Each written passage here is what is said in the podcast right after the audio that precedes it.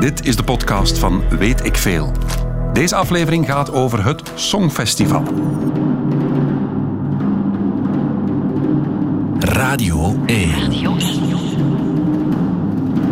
Weet ik veel met Kopen Ilse.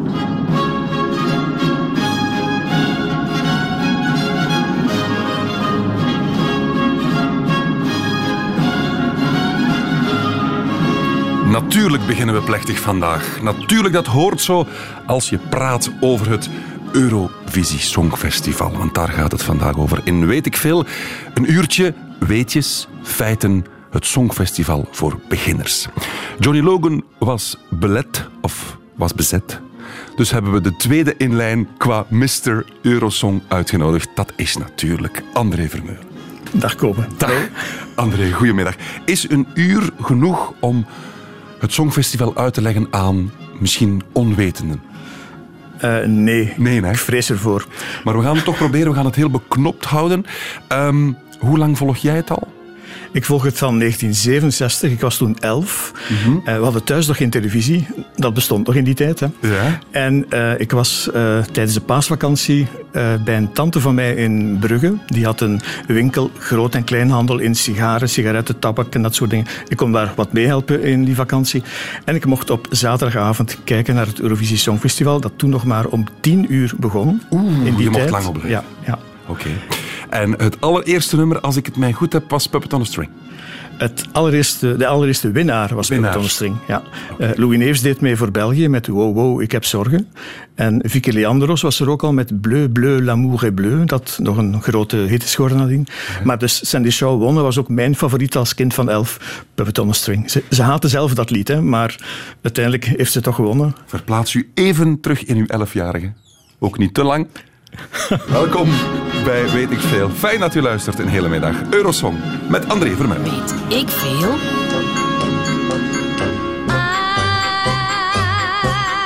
wonder if one day that you say that you care. If you say you love me madly, I gladly be there like a puppet on a string.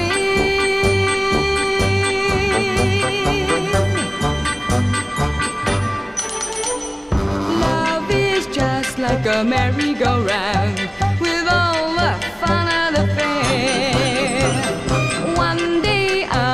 I'm down on the ground, then I'm up in the air. Are you leading me on?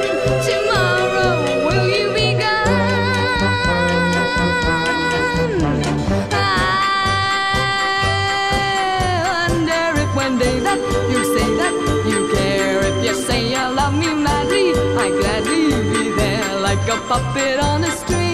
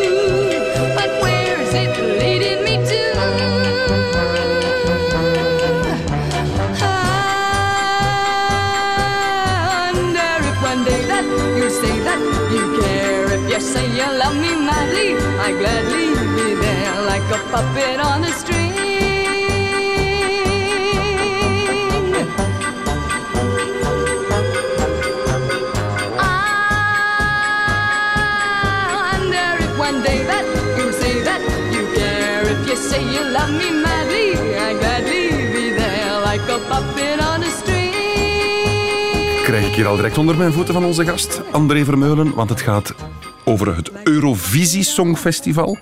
En ik heb het gewaagd om Eurosong te zeggen. André, je hebt me op mijn vingers getikt. Ja, Eurosong, dat is alleen maar de naam van de Vlaamse VRT, BRTN vroeger preselectie. Vanaf 1975 tot enkele jaren geleden, toen we voor het laatst een preselectie hadden. En er is geen enkel land in Europa dat het woord Eurosong gebruikt voor het eh, Eurovisie Songfestival, de Eurovision Song Contest. In het Nederlands zeggen we Eurovisie Songfestival of Songfestival kortweg, maar nooit Eurosong. Eurosong, dat wordt wel gebruikt, maar het wordt misbruikt Het eh, leidt ook tot grote misverstanden. Er zijn zelfs tapes in, de, in het beeldarchief van de VRT die per ongeluk uh, Eurosong genoemd zijn en, en dan vindt Ah, men die niet terug en zo. En dus duidelijkheid voor alles. Eurosong is de preselectie, Songfestival is het Songfestival. Goed zo. Mag ik vragen, wanneer is het allemaal begonnen? Het is allemaal begonnen midden de jaren 50. Toen, eh, ja, dat is nog maar tien jaar na de Tweede Wereldoorlog, waar miljoenen Europeanen gestorven waren. Dat vergeten we wel eens. Maar eh, toen, in die tijd, was men daar nog volop mee bezig. En men was ook eigenlijk bezig met het idee van we moeten toch initiatieven nemen om dat nooit meer zo ver te laten komen, om eh, de verschillende volkeren van Europa meer eh, met elkaar te laten hebben.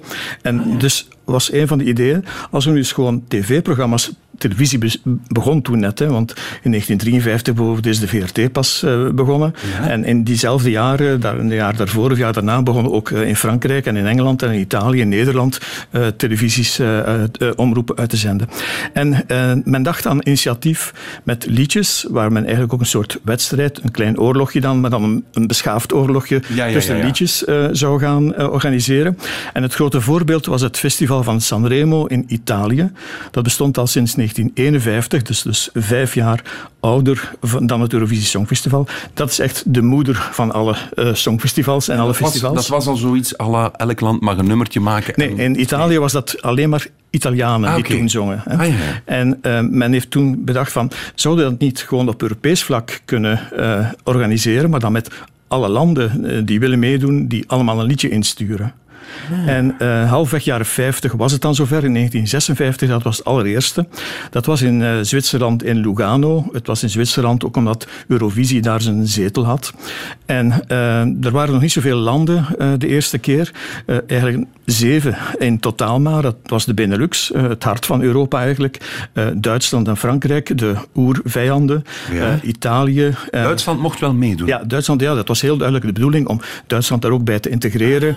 eh, Want er moest vrede zijn en blijven. En dus moest ook degene die verslagen was in de oorlog eh, daar ook bij betrokken worden.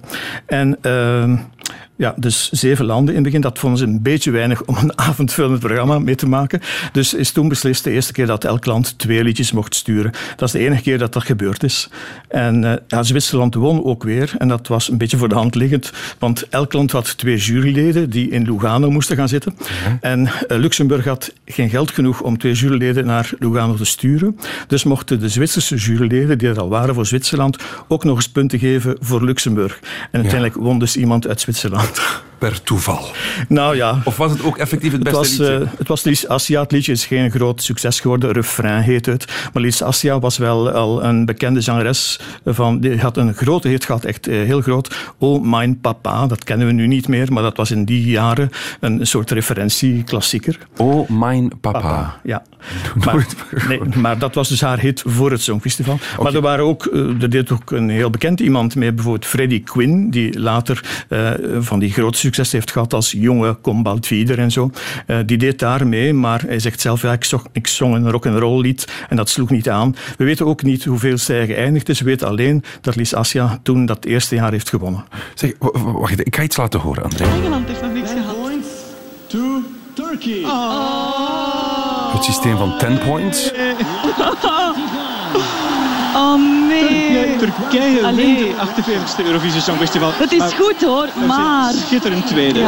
Weet ik veel? Dit was even naar Urban Thread toen we misschien wel konden winnen, maar Ja. toch niet. We stonden de hele uitzending lang aan de, aan de top. hè. Top. Maar wat mijn vraag was, die 10 points, 12 points, was dat ook al toen Nee. in Zwitserland? Nee, Nee, nee, dat is nee, later nee, nee, gekomen. nee. Dat is pas vanaf 1975, als ik het goed heb, het jaar na ABBA. Toen is het puntensysteem helemaal herdacht en is dat spannende puntensysteem eh, dat zo lang Het is meegegaan. hè? Ja, dus eh, je begint eh, van één punt, 1 tot en met 8 en dan nog 10 en 12. En dan ga je naar het volgende land en dan zegt daar iemand een woordvoerder. En bij ons zijn de punten van 1 tot 8 en 10 en 12. Ja. Ik vond dat een heel mooie cadans, zo telkens van ah, tot die 12 en dan hoeps, weer beginnen met die 1. En dat natuurlijke ritme is er al jaren uit, omdat dat veel te veel punten werden met al die landen die er nu meedoen. Het zijn er tegenwoordig 243 meestal. Dus dat, ja, het- duurt sowieso al heel lang, ook als we dat niet in detail geven. dus stel dat elk land dat nog in detail zou geven, het zou werkelijk... eh, Eindeloos zijn. ja, ja. Nu, ehm, Je zegt het dus, het is eigenlijk om een soort verbondenheid te creëren in Europa. De politici hebben de NAVO opgericht en de showbiz-mensen hebben dan het Eurovisie Songfestival Zoiets, opgericht. Zoiets kan je eigenlijk wel. hè? ja, ja, ja. Maar ondertussen zit Australië daar ook in. Israël, wat, wat hebben zij met Eurovisie? Ja, Israël doet dan mee sinds 1973. En dat komt eigenlijk... eh, Israël doet dat ook op vlak van sport. Eh, ook, daar, ook daar doen ze heel vaak met Europese competities mee. Ah. Ja, dat komt omdat Israël natuurlijk daar zit in eh, Klein-Azië, zoals dat heet, tussen al die Arabische landen die Israël uitstoten en niet dat soort dingen willen organiseren met Israël erbij. Dus daarom heeft Israël zich toen op Europa gericht. En bon, dat is een goede aarde gevallen in Europa. Dus vanaf 73 eh, doet Israël al mee aan het Songfestival. En Australië, dat is nog maar twee jaar of zo? Nee, dat is al iets langer ook. Eh, ik denk dat dat nu vier, vijf jaar Zoiets, is ja. ongeveer. Eh, dat is voor het eerst keer gebeurd toen het Songfestival 60 jaar oud werd. En toen eh, was Australië een soort speciale gast. Het gekke is dat het Songfestival behoorlijk populair is in Australië. Maar dat heeft misschien te maken met het feit dat Australië natuurlijk een soort van afspiegeling is voor een groot deel van Europa. Omdat ja, de meeste inwoners van Australië komen uit een of ander Europees land en kijken vaak dan zo binnen die gemeenschap naar dat Songfestival dat daar ook op het scherm eh, komt. Dat daar, eh, denk ik, door SBS wordt uitgezonden, Ah, oké. door de lokale SBS. Is dat niet gewoon een soort marktvergroting? Meer inkomsten, meer kijkers, meer reclame, bla bla, al die dingen? Mm, ik weet niet of dat heel veel eh, uithaalt, want ik denk dat je voor eh, Australië ook alweer speciaal gerichte reclame Ja, zou moeten hebben en zo. Dus ik denk niet dat dat de eerste eh, reden is om dat te doen. Het gaat meer om het prestige, denk ik. Prestige. En wordt het o- ooit het Global Vision Songfestival, denk je? Mm, dat weet ik niet. Er zijn al zoveel pogingen ondernomen. Er waren vroeger ook grote festivals met Latijns-Amerikaanse landen bijvoorbeeld, of in Azië. Maar die zijn eigenlijk allemaal eh, op sterven na dood of helemaal dood. Ja, oké. Het volgende nummer, beste André, want we hebben op voorhand aan jou een, een, een klein lijstje gevraagd. Want ja, hoe begin je daaraan?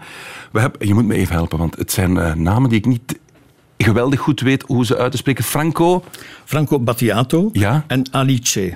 Alice. Dat zijn eh, twee grote Italiaanse sterren, zeker toen in die tijd, en Battiato echt zeker nog altijd, ehm, die toen voor Italië naar het Songfestival geweest zijn. Italië deed dat dikwijls. Eh, grote artiesten, alsof ze op zich nog niet groot, groot genoeg waren, combineren bijvoorbeeld Umberto Tozzi en Raf. Ja. Gente di Mare is ook zo'n Oh, zo'n duo. Ja. Dit is ook een heel mooi. En het is ook een heel grote hit geweest. Het was op het Songfestival, ik denk vijfde, in elk geval ex aequo met België. Dat is volledig onterecht, zeker als je bedenkt dat in dat jaar, in 1984, 84 is denk ik, ja, eh, dat toen eh, de Harrys wonnen voor, eh, voor Zweden met Digiloo Digilé. Dus mormonen met gouden botjes. Dus dat won toen. Terwijl dat, ja, gewoon, dat is natuurlijk... Als je dat vergelijkt met dit lied van Alice en Franco Battiato, is eigenlijk een van de beste Songfestivalnummers ooit. Maar is dit toch niet een beetje gepikt van Mozart of zo? Eh, er zit een klein stukje in dat inderdaad gepikt is. Helemaal op het eind komt er een heel indrukwekkend koor. Dat is ook een fantastische finale voor dat lied. En dat is eigenlijk gewoon gepikt uit de toverfluit van eh, Mozart. En dat mag. Dus een soort sampling avant la lettre was dat. Maar eigenlijk mocht dat helemaal niet. Maar er is vooral bij grote landen heel veel door de vingers gezien op het Songfestival. Omdat die grote landen het Songfestival ja, financieel echt wel dragen. Hè. Oké, jij doet de naam nog eens. Hè? Dus we luisteren. Naar Franco Battiato en Alice en I treni di Toseur.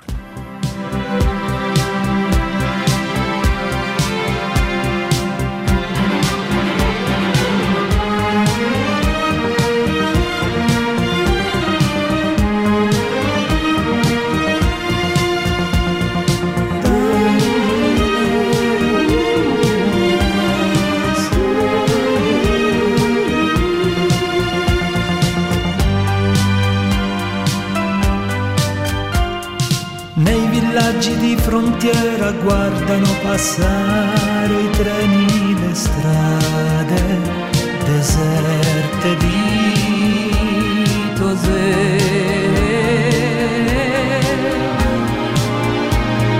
da una casa lontana tua madre mi vede si ricorda di me delle mie abitudini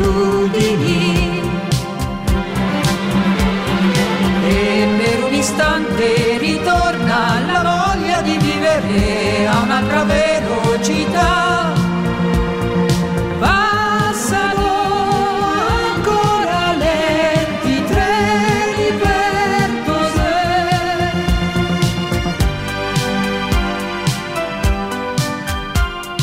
Nelle chiese abbandonate si preparano rifugi e nuove astronavi per viaggi interstellari.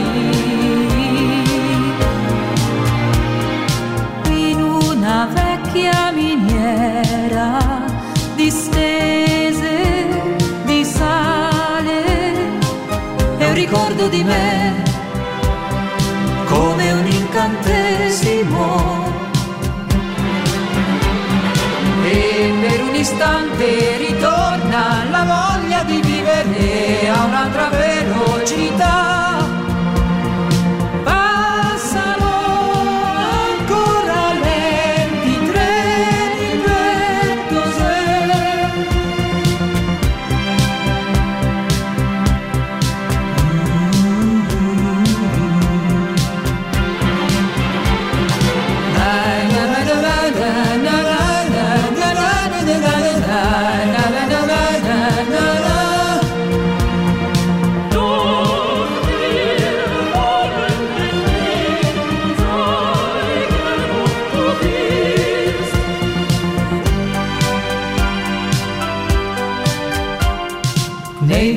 Dus eigenlijk gewoon gepikt van Mozart, dat einde. Dat weten we van André Vermeulen, onze Eurovisie Songfestival-kenner vandaag in Weet ik veel. Wir kommen nun zum Beitrag aus Belgien.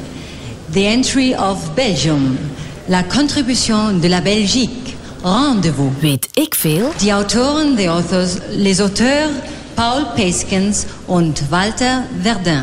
Der Komponist, the composer, le compositeur Walter Verdun. Ja, zo werd het vroeger aangekondigd. Nee, alleen dat jaar. Dat is Ah, een van de, de meest dwaze presentaties ooit. Wat is dat allemaal? Waar, waar overduidelijke dingen in drie talen worden verteld. Dat is belachelijk. Ja, dat is een beetje... Wat, wat, wat pas de deux was het, hè? Ja, Dat is 1983 in München. 83. Dus ook de componist, de schrijver, alles werd Ja, opgesomd. ja, officieel gaat het over een liedjeswedstrijd, waarbij Ja. dus de componisten en de tekstschrijvers echt ook de, de te fetteren eh, mensen zijn, meer nog eigenlijk dan de uitvoerders. Zo is het Songfestival begonnen. En er waren ook altijd in het begin medailles, niet alleen voor degene die het vertolkt had, maar ook voor de winnaars eh, die het geschreven hadden. Hè. Die werden ook ja. op het podium. Soms waren die er niet, omdat er ja, niet altijd genoeg financiën waren om, om mensen, bijvoorbeeld van Denemarken in 1963, dan wint Grete en Jorgen Inman eh, winnen daar met Dansenvieze. En eh, er is een meneer van de BBC die zegt, ja, ik heb hier ook nog medailles voor de compo- com- composer en, en, en de songwriter en zo. Maar dan blijkt dat die mensen er helemaal niet zijn. Ja, dan blijft hij met die medailles maar staan. Gênant, gênant. Maar het was ook vroeger, hoe ik het mij als kind herinner, met groot orkest erbij. Ja, het ja, werd, ja, het ja, werd ja. klassiek opgevoerd. Hè? Het is eh, tot 1998 is het met groot orkest geweest. In 1999 was het in Israël en is het orkest afgeschaft. Eh er werd gezegd dat het orkest voor een derde van de totale kostprijs verantwoordelijk was. Ik weet niet of dat echt klopt of niet. Maar bon, het Ja, maar van de grandeur toch? Hè? Natuurlijk, het, heeft, het geeft veel meer grandeur aan zo'n festival met zo'n orkest. Er waren wel jaren waarin het orkest echt niet zo fantastisch was en liedjes uiteindelijk minder klonken dan ze hadden kunnen klinken. Eh, als er bijvoorbeeld eh, een playback eh, of een, eh, een, ja, een opname was waarmee je met meegezongen. Maar bijvoorbeeld het- het orkest van Luxemburg heb ik nooit zo fantastisch gevonden van toen Luxemburg moest organiseren. Maar bon, intussen komt dat niet meer voor. Luxemburg doet niet meer mee.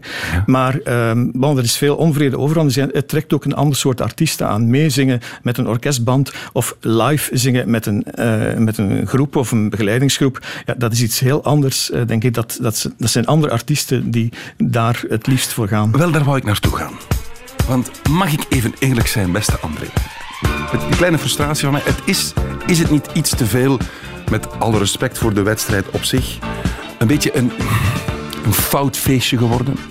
Helaas wel. Ja, ik vind dat ook heel jammer. Hè? Ja, toch? En, het is een eh, beetje dit sfeertje. Zo, alles is vrolijk en, en heel veel... Ook weer met, een, met het grote respect, een beetje nichterig allemaal.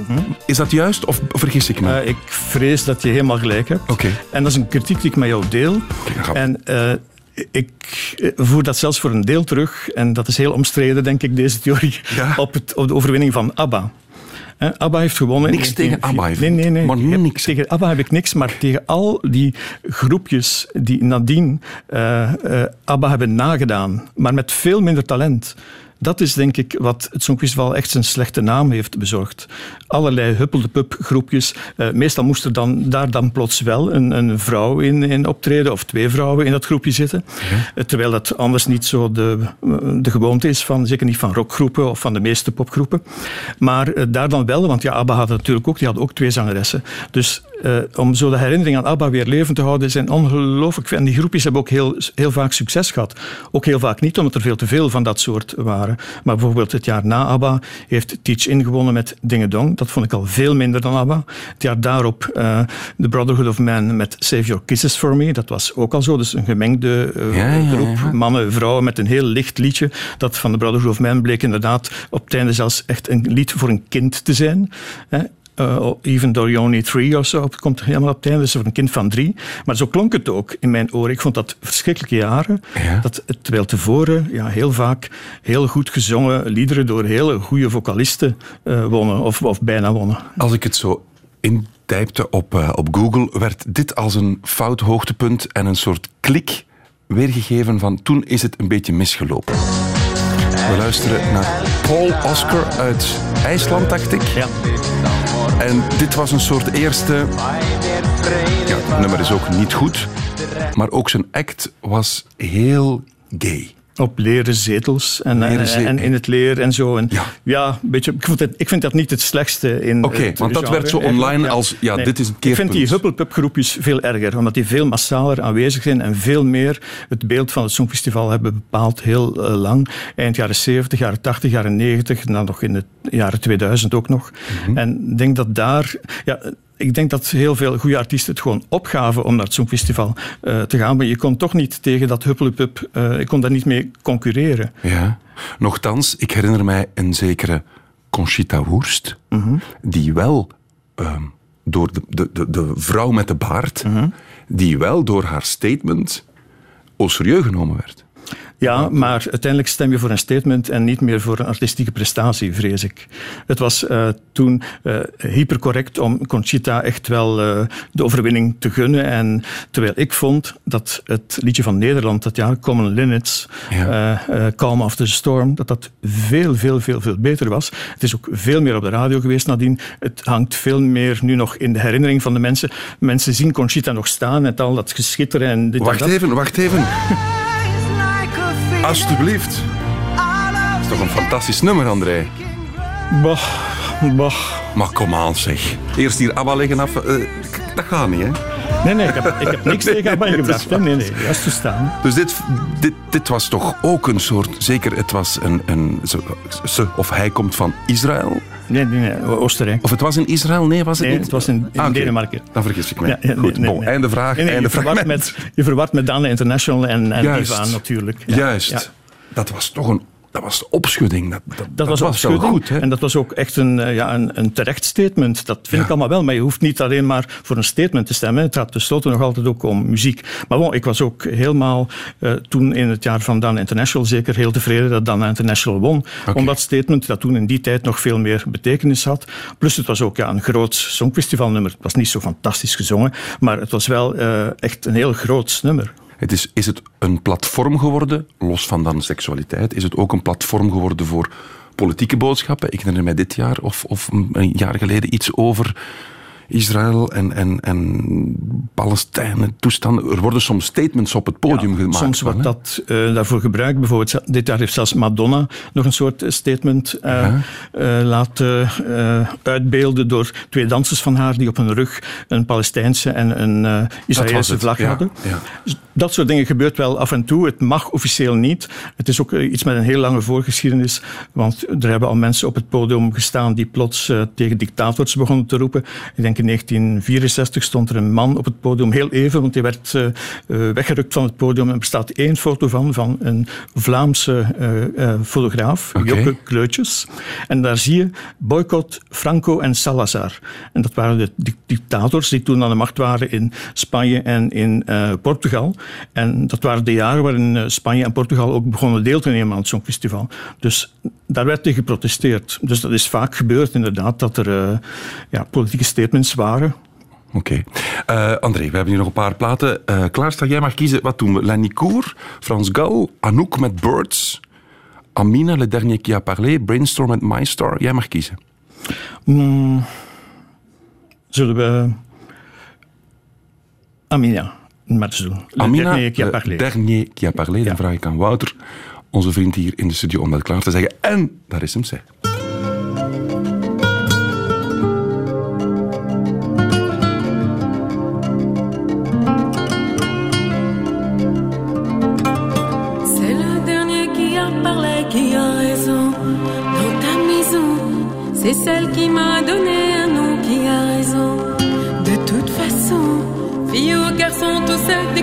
Des leçons. Ne dis pas non, le monde n'est ni mauvais ni bon, tu ne tournes rond. C'est sans raison. Ouah, ouah,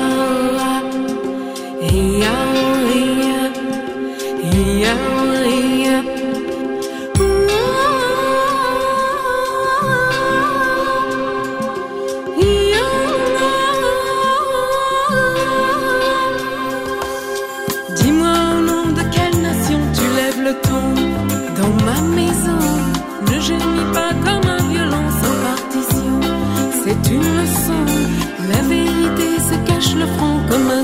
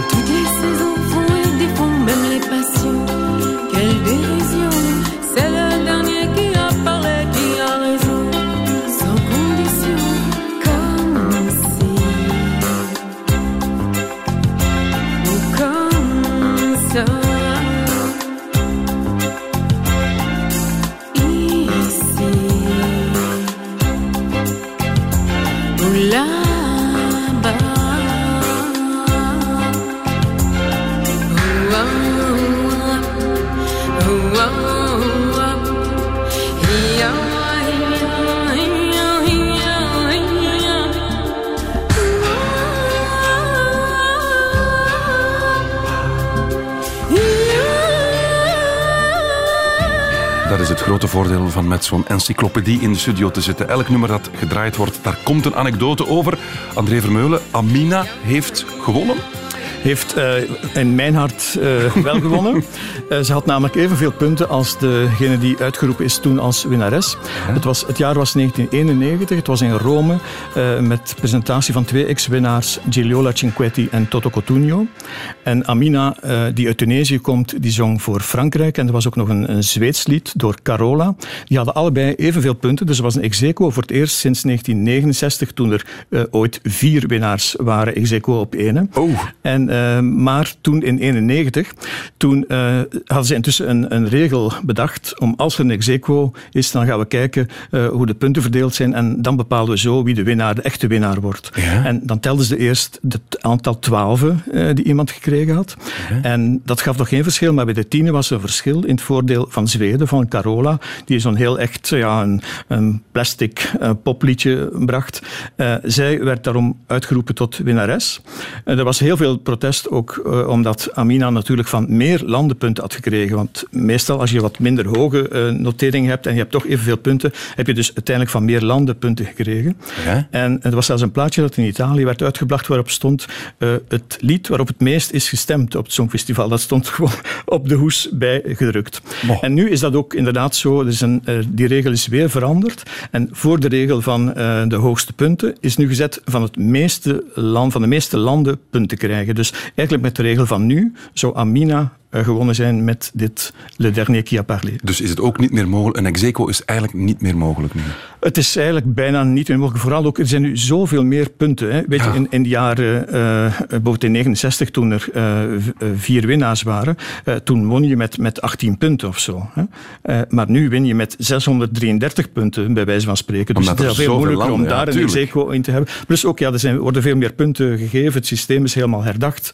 er worden ook dubbel zoveel punten gegeven sinds enkele jaren, omdat de punten van de vakjury en de punten van televoting uit elkaar gehaald zijn om nog spannender te maken. Het blijft ook altijd spannend nu, tot helemaal het laatste. Het is eigenlijk, denk ik, onmogelijk. Vroeger wist je soms al bij de helft van de Songfest van oké, okay, die ja, wint.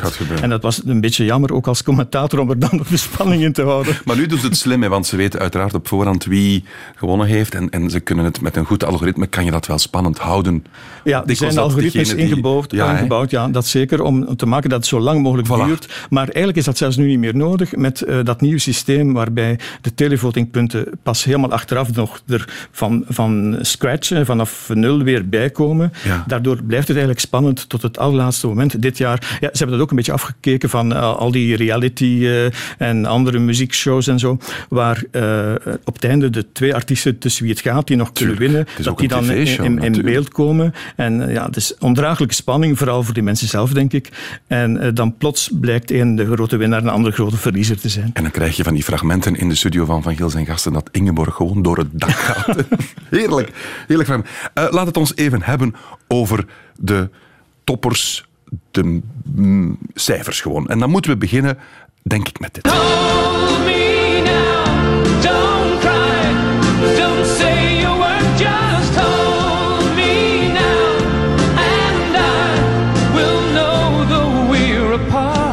Het is de effectieve live versie van het moment zelf. Vandaar misschien een beetje mindere, mindere klankkwaliteit. Maar het is Mr. Ja, Mr. Eurovision van die Logan in Brussel op de Heizel. Ja. Want dat was het jaar na de overwinning van Sandra Kim. Dus toen organiseerden wij in Brussel met Victor Laszlo als presentatrice.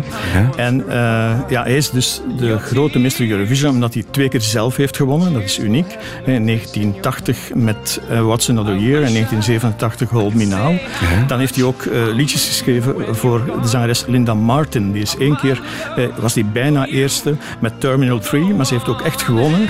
Oh, uh, met... André, mag ik even onderbreken? Oh, het is verschoonlijk. hè. Wacht, hè.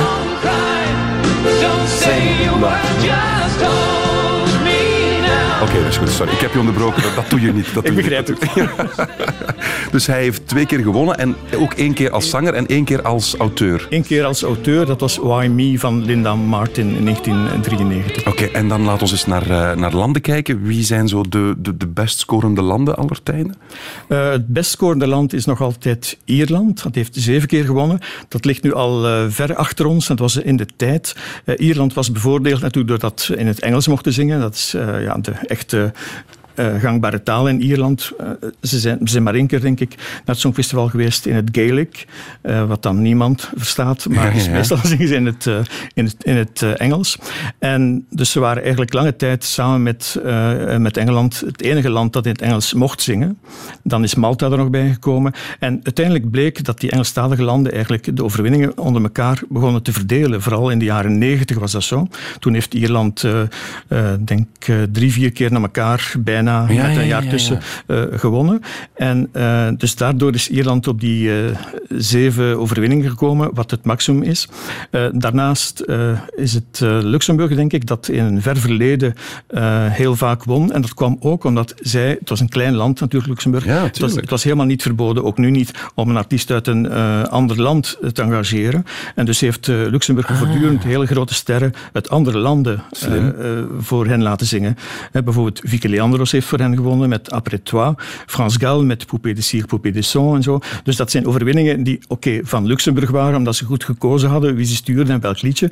Maar ze hadden natuurlijk vooral talent van andere landen eh, ook eh, daar, eh, ja, daarop aangesproken en, en, die, en die ingezet. En dus Luxemburg is een land dat heel veel. Uh, maar puur door slim te zijn. Ja, en de laatste jaren is het Zweden, dat uiteindelijk nu al op zes overwinningen staat. En dat dus begint Ierland naar de kroon te steken. het werd, werd, zelfs een beetje vervelend de laatste jaren, dat Zweden altijd zo goed. En dit jaar was ze weer in, in de running tot op het einde. Want, en aan wat ligt dat dan? Is dat ja, in Zweden, de juiste sound? Hoe komt dat? Ja, maar Zweden is natuurlijk een land dat al sinds de jaren zeventig, denk ik, echt wel ook binnen Europa er op merkwaardige manier in slaagt om voortdurend grote hits uh, te produceren. Ja, ABBA is natuurlijk het allergrootste voorbeeld. En rond heel die ABBA-cultuur is dat gegroeid. Er is ook een songfestivalcultuur. Er is een preselectie elk jaar. Uh, melodiefestivalen, uh, die echt wel de voorbeeld preselectie is voor heel Europa, denk ik misschien Sanremo ook wel natuurlijk in mm-hmm. Italië. Maar uh, ja, daar wordt gewoon heel veel ingezet door alles en iedereen op we willen een winnend lied voor het Songfestival schrijven.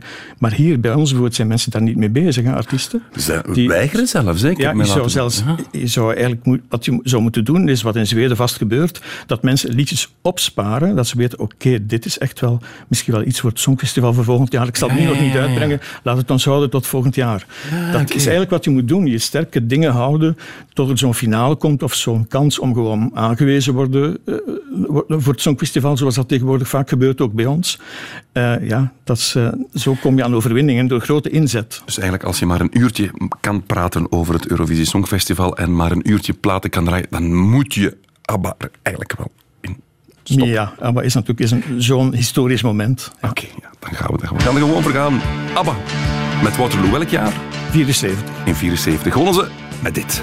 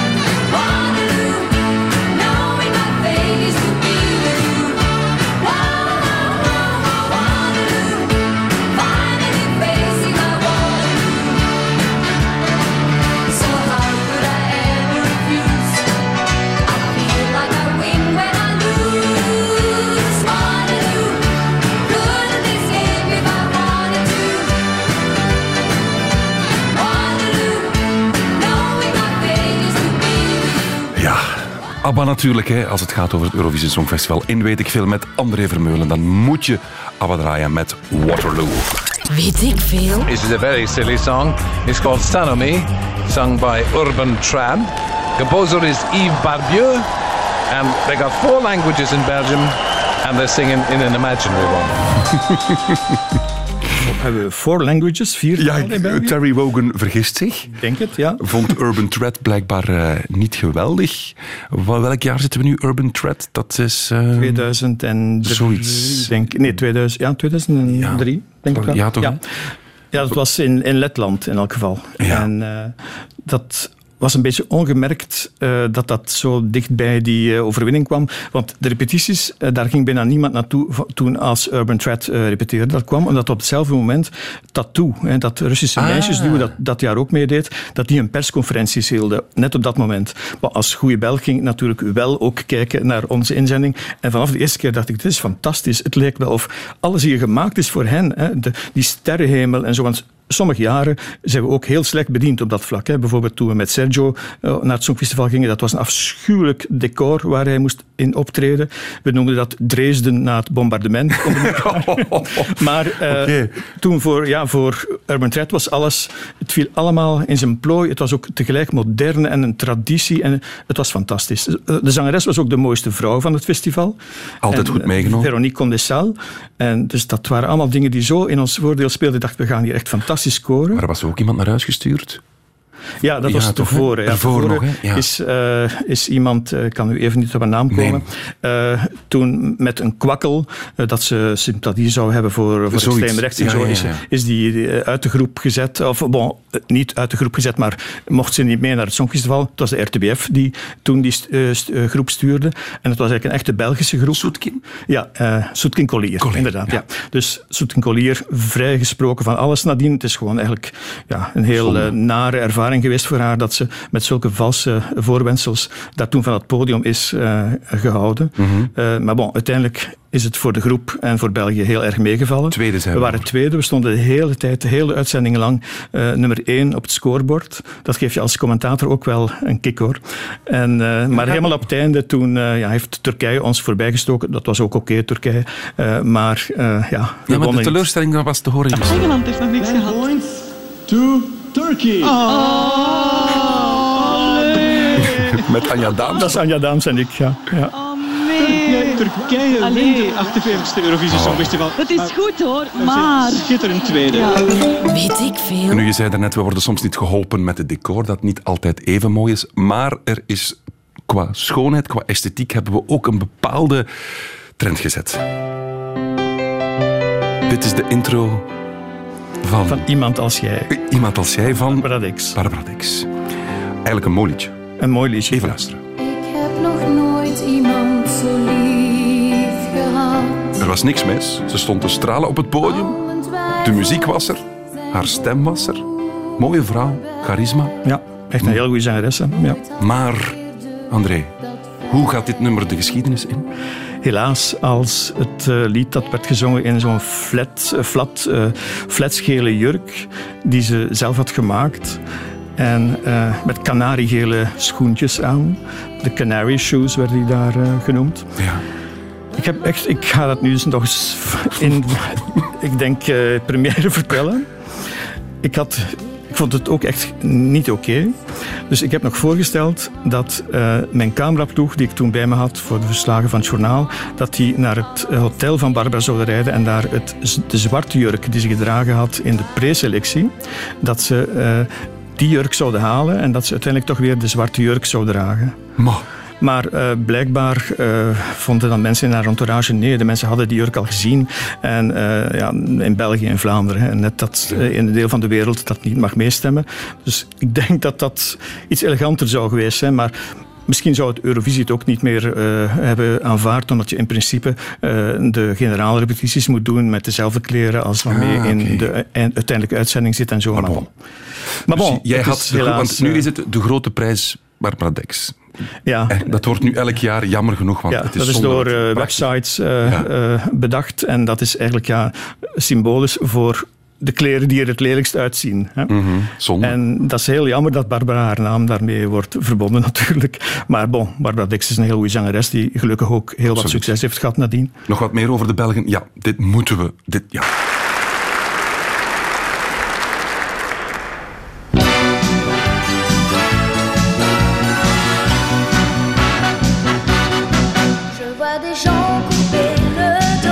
Weer de originele versie, dus met, met orkest nog in der tijd. 1986. Onze enige overwinning.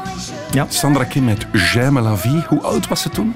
Ze was toen 13 en een half. Ongelooflijk. Ja. Dat mocht ook, want dat werd niet verboden door een of ander reglement. Er zijn reglementen op het Songfestival die pas later zijn ingevoerd toen bleek van, oeh ja, hier gaat iets verkeerd. Bijvoorbeeld de taal, die was vrij in het begin, maar iedereen zong automatisch in zijn eigen taal of in Ja, ja. een van de landstalen. Ah, oké, tot, er plots, ja, tot er plots in 1965 een Zweed was, een operazanger, die helemaal in het Engels zong. En toen dacht je, ja, oké, ja, dit gaat toch wel wat te ver. Vanaf nu alleen een eigen landstaal. Hetzelfde met de leeftijd. Ze zingt in het liedje Moi j'ai 15 ans.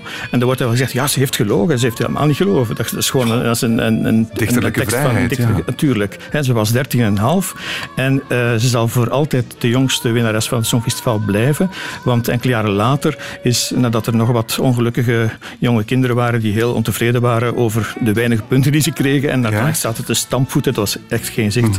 Toen is beslist van oké, dat is te jong eh, voor zo'n festival. We gaan bepalen dat je 16 moet eh, worden ten, eh, ten, op, ten, op zijn minst in het jaar dat je deelneemt. Dus je kunt nog net 15 zijn eventueel, maar jonger komt niet meer op het Songfestival. Jonger mag niet. Ehm, wat ik niet meer wist, we zijn nog twee keer tweede geworden naast Urban Thread, hè, met Jean, Jean Vallée. Klopt dat? Jean Vallée en L'amour, ça fait chanter la vie. Voilà. 1978. Ja.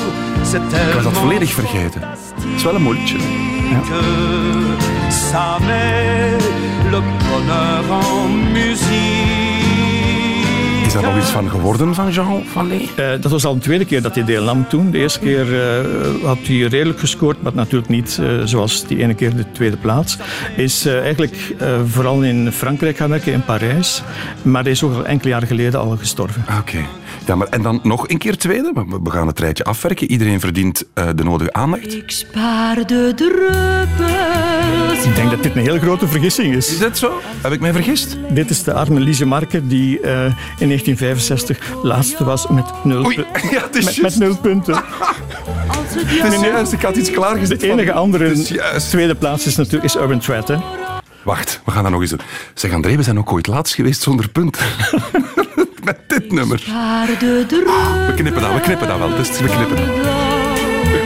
Als het weer lente is. Vinden we dat terecht dat we hier nul punten met hebben gescoord? Ik zou moeten zien wat eh, nul punten is sowieso, dat is nooit terecht. Maar dat kwam natuurlijk omdat er zoveel, zo weinig punten waren eh, in die tijd. Hè. Elk land had eh, meestal tien punten te verdelen, maar dat, dat jaar zelfs minder. Toen kon je alleen maar als land één, drie en vijf punten geven. Dus dat zijn heel weinig punten. Waren ook maar pakweg 16, 15, 16 landen. Ja, dus, ja, ja, eh, oké. Dus het- er waren, ze was niet alleen met zou je nul nooit- punten. Er waren verschillende landen Ah, die laatste waren samen met nul punten. Nu zou je nooit meer nul punten. Of gebeurt het? Per ongeluk, want dit jaar had eh, Duitsland, dat was echt een ongelooflijke verrassing, in negatieve zin dan voor Duitsland, nul punten van de televoting. Dat is echt nog nooit gebeurd. En eh, bon, het was ook heel slecht, vond ik zelf. Eh, ik, ik ben heel verbaasd elke, telkens weer dat Duitsland zo dikwijls met liedjes afkomt waarvan je vraagt, hoe is dat mogelijk? Dat Duitsland, zo'n groot land met zoveel Tuurlijk. mogelijkheden en met ook leuke liedjes eh, eh, in- gedurende het jaar. Ja, eh, dat is lang geleden natuurlijk. dat die maar dat die niks beters verzinnen. De tijd is genadeloos. We hebben nog tijd voor één nummer. Frans Gal, Lenny Koer, Anouk, Telex, Brainstorm, Isabelle Aubray. Ah, één nummer. Als ze echt maar één nummer maken, dan eh, zou ik dan toch Frans Gaal, Poupée de Cire, Poupée de Son. Van Serge Gainsbourg.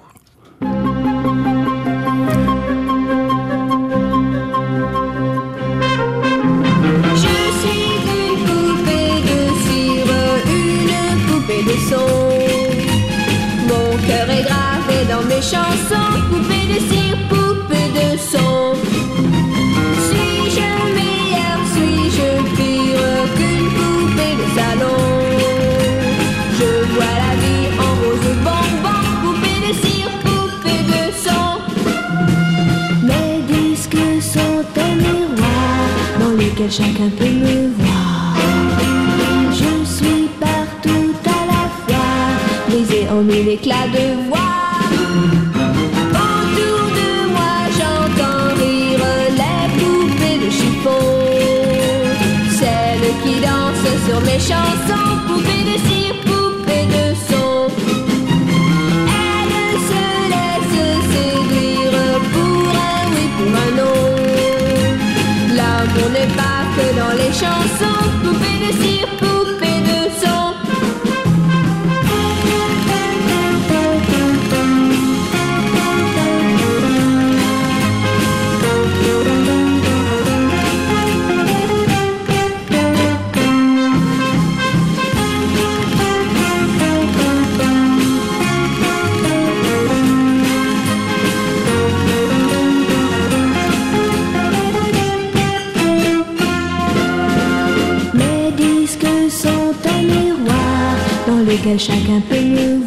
Frans Gal moesten we nog draaien van André Vermeulen, onze Eurovisie Songfestival-kenner. Vandaag in weet ik veel over Eurovisie. Kan je nog iets vertellen over Frans Gal, André? Wel, iets eh, wat ook niet zo bekend is. Frans Gal had dus gewonnen, was in alle staten en blij en zo. Belde naar huis, naar Frankrijk, naar Parijs in dit geval. Naar de man die toen haar lief was. Dat was Claude François. Oké. En die was eh, heel kwaad op haar, want ze had vals gezongen. Dat is waar, hè? ze had vals gezongen. Eh, maar eh, dat was natuurlijk voor haar een, koud stortbad. En het is ook heel snel uitgeraakt tussen de twee. En daar heeft hij nog het lied over geschreven, Comme d'habitude, dat we kennen als My Way. Och, hè. Het gaat over de breuk met Frans Gal. Het hangt allemaal samen. Maar het einde is daar. Ik moet nog bewijzen dat ik goed geluisterd heb. We hebben maar tijd, denk ik, voor drie vragen, André. Sorry Ai. ervoor. Eh, wat is het grote voorbeeldfestival voor het Eurovisie Songfestival? Oh, Sanremo, het festival van Sanremo. Ja, Klopt dat? Ja. Bam. Wie presenteerde het Songfestival op de Heizel hier in België? Eh, Laszlo. Ja, Victor? Laszlo. Dat Hola. Ja, ja. Gaat goed, En doe maar vijf vragen. Hoeveel keer, hoeveel keer heeft Zweden het Songfestival al gewonnen? Eén keer minder dan Ierland, zes. Ja, dat is heel juist. En wie won, welke zangeres won toen ik voor het eerst naar het Songfestival keek in 1967? Oh, hebben ze gedraaid aan het begin. Ja, ja, ik weet het niet ja, meer. Ik weet ja. het niet meer. Help. Zeg maar. Puppet on String, Sandy Show. Nog heel snel. Nog één. Ehm, wie... Geen tijd meer, André. Nee, oké. Sorry. Excuseer mij. Dankjewel voor uw vakkundigheid. Radio 1. Weet ik veel? Dit is het einde van deze podcast van Weet ik Veel. Weet ik Veel is trouwens een programma van Radio 1. Op radio1.be vindt u nog veel meer.